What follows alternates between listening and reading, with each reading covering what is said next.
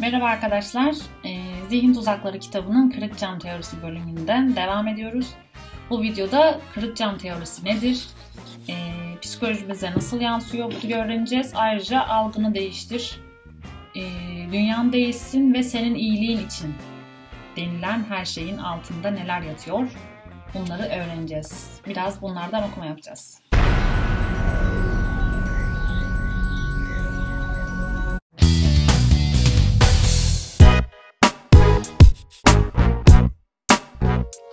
Şimdi kırık cam teorisi e, benim çok ilgimi çekti arkadaşlar. Kırık cam e, ABD'de suç psikoloğu olan Philip Zimbardo 1969 yılında bir çalışma yapmış. ABD'nin bir çok böyle leş sokaklı mahallesine bir de böyle gayet kaliteli mahallesine. Bizim diyelim İstanbul'dan bir Bostancı'ya nezih olan mahalle olarak Bostancı'ya bir de çok kötü mahalle Esenler diyelim ya da Esenyurt mu diyelim işte. Orayı düşünün. Bir tane otomobil Esenyurt'a bırakılıyor. Bir tane otomobil Bostancı'ya bırakılıyor. Ve yani oraya bırakılmıyor tabii ki. ABD'nin böyle mahallelerine bırakılıyor.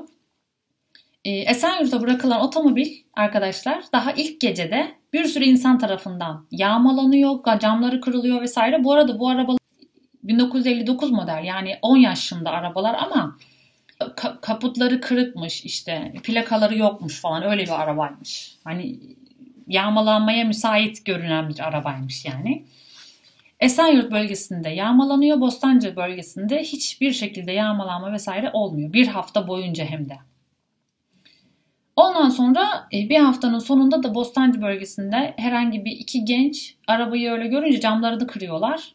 Camların kırıldığını gören diğer zengin olanlar bile, e, zengin olan bölgedeki insanlar bile gelip arabaya hasar vermeye devam etmişler. Yani alabilecekleri bir şey varsa almaya çalışmışlar arkadaşlar. Bu da tarihe ve o otomobil de birkaç dakika sonra kullanılamaz hale gelmiş. Tarihe kırık cam olarak geçmiş. Evet bu da tarihe şöyle geçmiş. Kendi yaranı en başta yanlış kişiye gösterirsen yani eğer mesela o plakası yokmuş, kaputları kırıkmış ya arabaların. Esenyurt bölgesinde bıraktıklarında hemen yağmalanmış ya mesela. Ee, sen yaralarını açık bir şekilde kırık bir tarafın olduğunu gösterirsen, bilirlerse bunu ya da e, anlarlarsa diyelim e, ve öyle Esenyurt bölgesinde gibi bir insanla tanışırsa, yani Esenyurt herhangi bir insanla tanışırsan demek değil aslında bu. Yaralarından faydalanmaya çalışan narsist insanlarla diyelim ya da narsist olmayabilir, kötü bir insan olabilir. İnsanlarla tanışırsan e, hemen zarar görebilirsin. Yani yaralarını açık bir şekilde gösterme diyor. İşte onu anlatmaya çalışıyor bu. Aynı zamanda iyi bir bölgeye bırakılan otomobil de hiç bir hafta boyunca hiç zarar görmüyor ya. Mesela onun kaputu kırık şey olduğunu biliyorlar ama zarar vermiyorlar. Yani e, iyi bir insana denk geldiğinde de senin e, hasarlı taraflarını görebilir. Bunu görebilecek kapasiteye sahiptir ya da sen bunu dile getirirsin. Ama o kişi öyle bir insan olmadığı için bundan faydalanmaz demek istiyor arkadaşlar. Mesela yeni biriyle tanıştığında ilk söylediğin şey önceki ilişkilerimde tüm sorumlulukları ben üstlenirdim dersen en baştan bu yönünü kullanıma açık hale getirmiş olursun. Karşıdaki bir süre sonra senin fedakarlık olarak gördüğün şeyleri görev gibi sana yansıtmaya çalışır, başlar ve tavizlerin bir süre sonra ödenemeyecek kadar bedel veya tamir edilemeyecek hasar bıraktığını gösterir bu kırık canlar diyor. Şimdi burada bir altını çizdiğim yerlerden birkaç okuma yapacağım. E, şu cümlede bu işin özetini anlatıyor. İnsanlara doğrudan kırık camlarını gösterirsen sağlam olanları da onlara hedef haline getirirsin. Yani direkt böyle ben şuradan yaralıydım, şur şöyle şeyler yaşadım bilmem ne bunları söylersen sağlam olan taraflarını da e, kırılmaya açık hale getirirsin diyor. Aslında bu tavizler ve zayıf sömürülmeye açık alanlarımız demek oluyormuş. Ferah iş yerinde sessiz sakin biriydi. Uyumlu olmasıyla karşı koymaması ve verilen tüm görevleri itirazsız yerine getirmesiyle biliniyordu. Aslında bu durum onun güvenli alanıydı. Hem onaylanıyor hem gerginlik yaşamıyor hem de daha az eleştiriyle karşılaşıyordu. Lakin bir sorun vardı. Çalışanlar sürekli işlerini ona paslıyorlardı. Neredeyse Ferah tüm mesai boyunca durmadan çalışırken diğer çalışanlar sık sık kahve molası, oyun molası, telefon molası veriyorlardı. Daha az çalışıyorlardı. Eh, yine Ferah'ın konuşmasından devam ediyor. Fatma, İK'dan Ahmet ve Enes bana iş paslamaya başladılar. İş yerinde bir sürü kişi ona işlerini paslamaya başlamış. Sanırım artık benim hayır diyemeyen, onay arayan tarafımı yani kırık camımı görmüşlerdi. Ki artık bu göreve dönüşmüştü. Gitgide neredeyse kendi işimi yapamaz hale gelmiştim.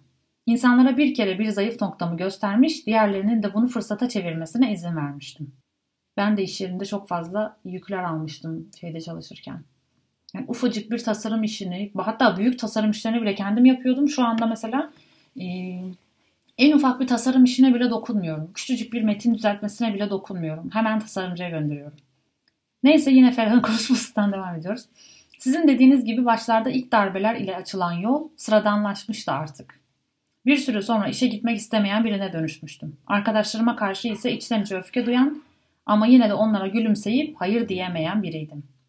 Kendi kendime olan saygımı sırf hayır diyemediğim ve ilk başta izin verdiğim için kaybediyordum demiş.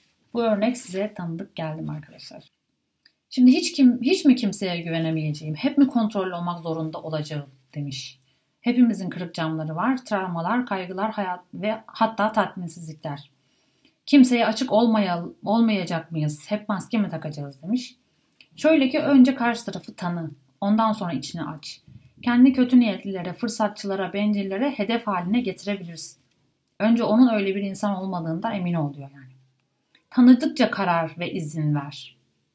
Kaygılı tarafını, duygusal yoksunluğunu, zaafını veya iştah açıcı rolünü hemen göstermemeye çalış. Ebeveynlerimizin ihmalleri, istismarları, işgalleriyle camlarımız kırılır. Bir süre sonra da bunu öyle bir normalize ederiz ki sömürülme ile görevleri bile karıştırır hale geliriz. Kullanılmaz ile sevilme, faydalı olma ile sömürülme, yeterli olma ile işe erken, pardon işe yarama kavramları birbirine karışır zamanla.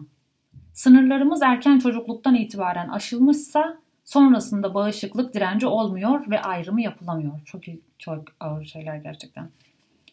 Ebeveynlerimiz tarafından işgal edilmişsek başkasının işgal et, et, etmesi şaşırtıcı olmamaktadır. Tıpkı iş, ilk işgalden sonra arkasının gelmesi ve kapının açık olması gibi. İşte o arabanın ilk camının kırılması ve o camın kırıldığını gören diğerlerinin gelip diğer aracın diğer taraflarını da kırması gibi. Ama iyi bölgede olan arabaya da hiçbir şey olmadığını unutma diye not almışım. yani iyi denk, iyi bir yere denk gelirsen de onlar oraya görmelerine rağmen diğer tarafa zarar vermezler diyor. En tehlikeli ebeveyn tipi kendini mağdur ve aciz göstererek istediğini yaptıran işgalci ebeveyndir.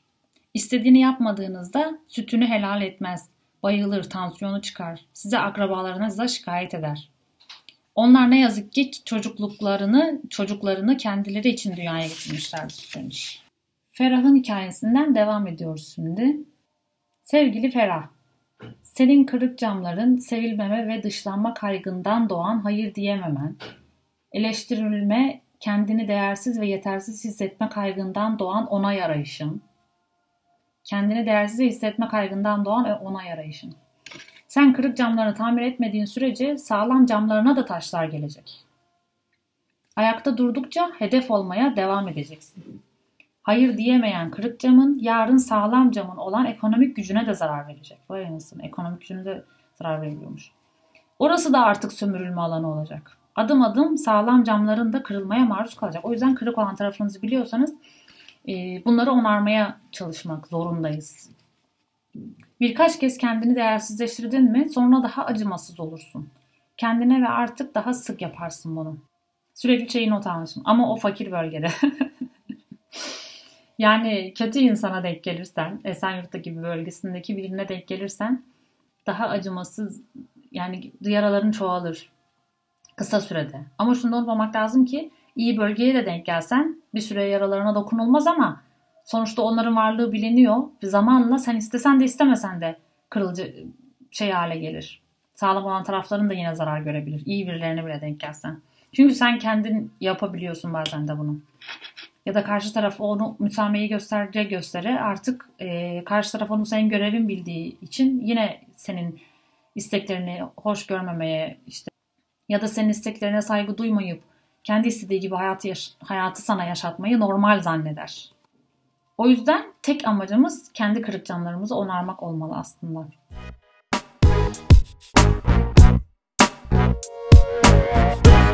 Şimdi algını değiştiriş duygun değişsin bölümü var.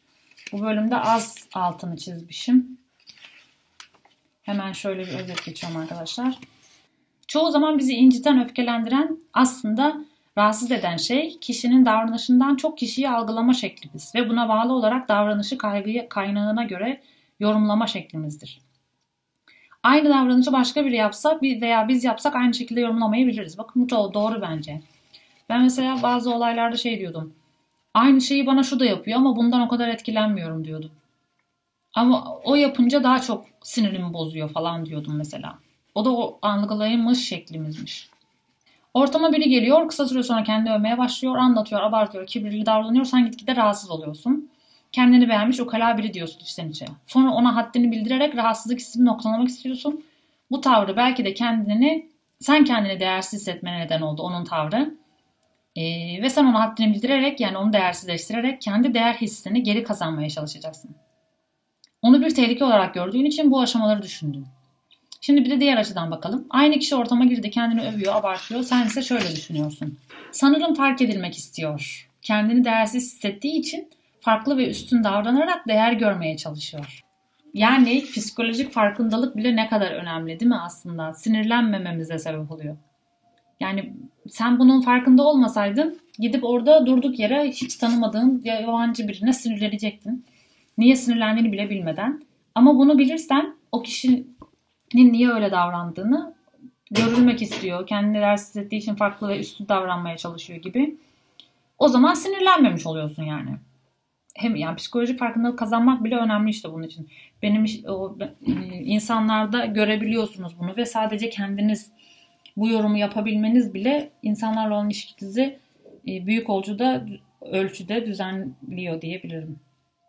Ya da bir film izliyorsunuz, bir konuşma dinliyorsunuz, bir röportaj okuyorsunuz. Orada bile hemen fark ediyorsunuz. Aa bunu bunu yaşamış. Aslında şunu yaşıyor. Aslında işte duygusal yoksunluğu var farkında değil. Hani başkalarının o yanını gördüğünüz zaman tabii bak gördüğünüz zaman kullanmaya da müsait oluyorsun.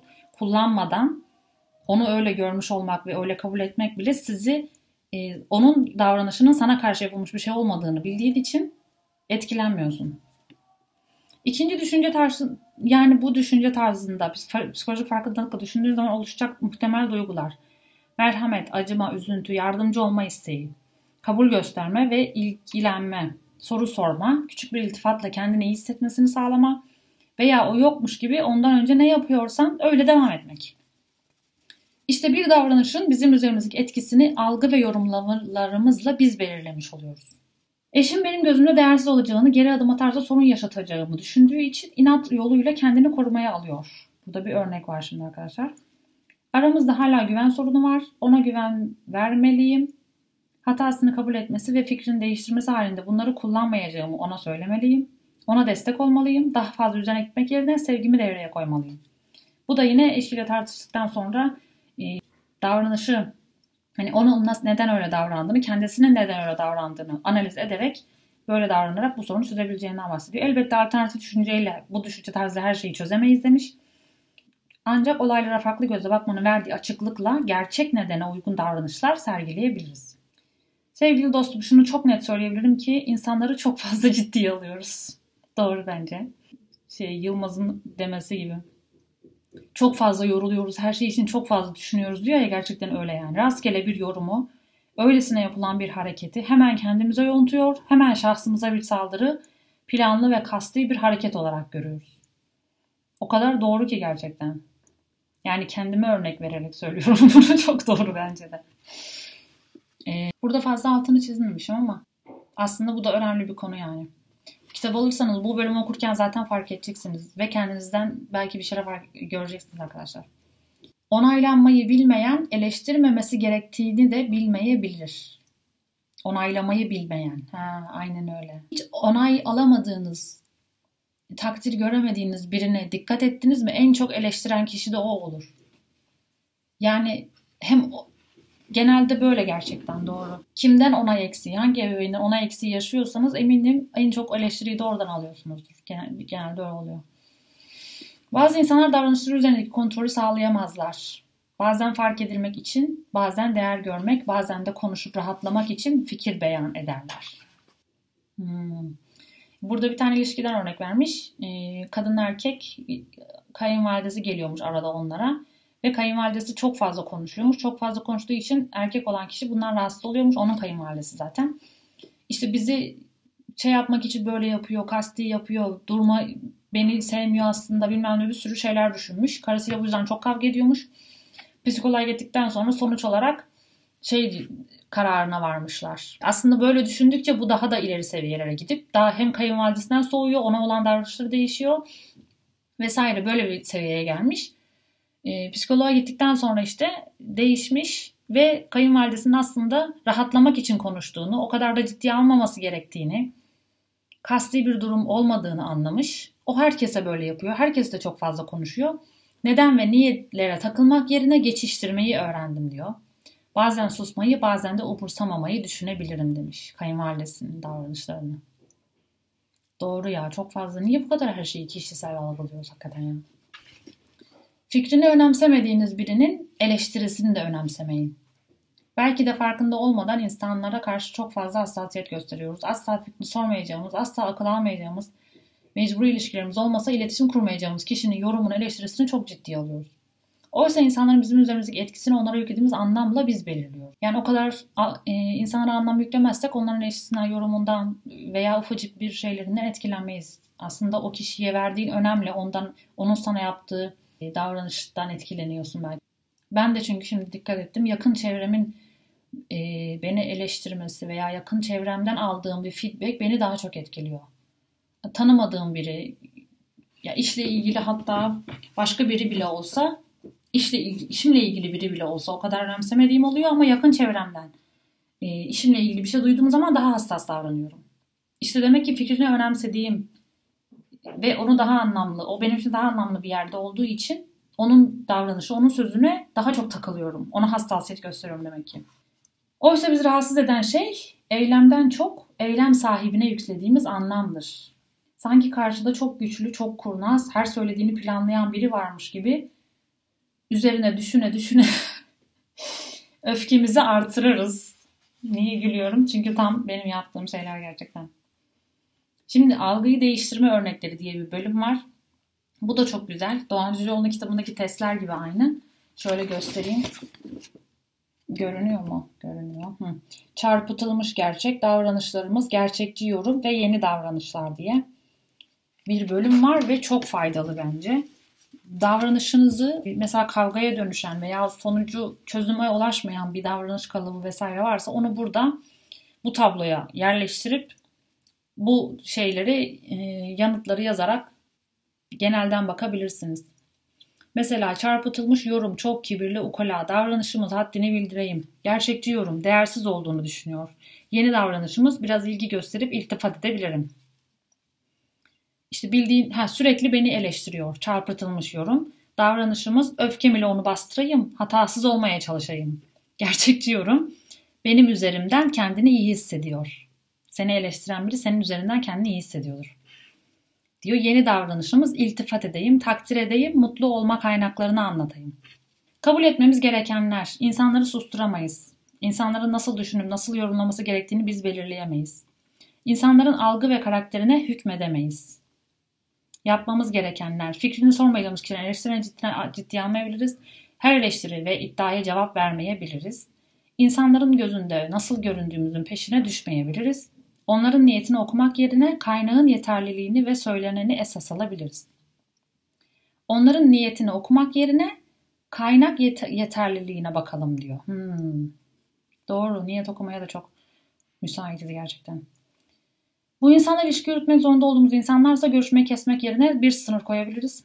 Her şeye yorum yapan, her şeyi eleştirip kolay kolay bir şey beğenmeyen kişilerin davranışlarını kendimize yontmak yerine benimle değil onunla alakalı diyebiliriz.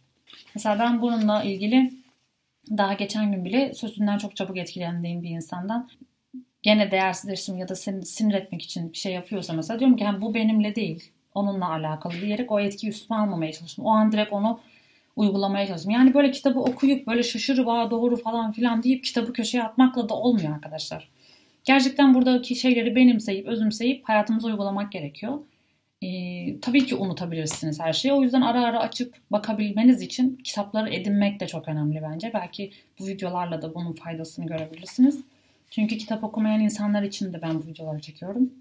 Kimse sana değer biçemez. Kimse sana kendini değersiz hissediremez. Sen bir bireysin, sen bir karaktersin, sen biriciksin. Kimse var olmadı. Kimse de kimseyle var olmadın, kimseyle de yok olmayacaksın diyor. Ne yaşarsan yaşa kimse seni yargılayamaz. Kendini sevmeden kimseyi sevemezsin. Kendini sevmezsen kimsenin sevgisine de güvenemezsin. Kendini mutlu etmeden kimseyi mutlu edemezsin. Ne ile mutlu olacağını bilmezsen kimse de seni mutlu edemez. Çok doğru. Sen ne ile mutlu olduğunu bilmiyorsan kimse de kimseni nasıl mutlu edecek? Kendini mutlu ettiğinde enerji vampirlerinden, kendine değer verdiğinde işe aşağılayıp, kendi değer verdiğinde ise aşağılayıp küçümseyenlerden ayrışırsın. Kendini sevmek, kendine değer vermek, kendine saygı duymak, bencil olmak değil, kendin olmaktır demiş.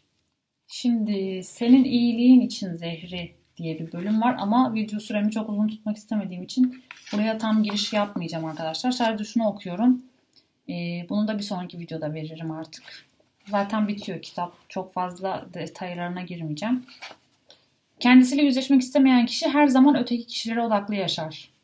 Bu öteki kişi ilişki, amaç veya haz olabilir. Öteki her zaman bir mutluluk kaynağı değil, bazen de gevşeme alanıdır. Başka birini küçümsemek, eleştirmek, hatasını kovalamak sürekli bir süre sonra bazı insanların kendini iyi hissetme şekline dönüşür. Mesela laf sokmak kendini kötü duyguyu dışarı atmakmış. Bunu da yeni öğrendim.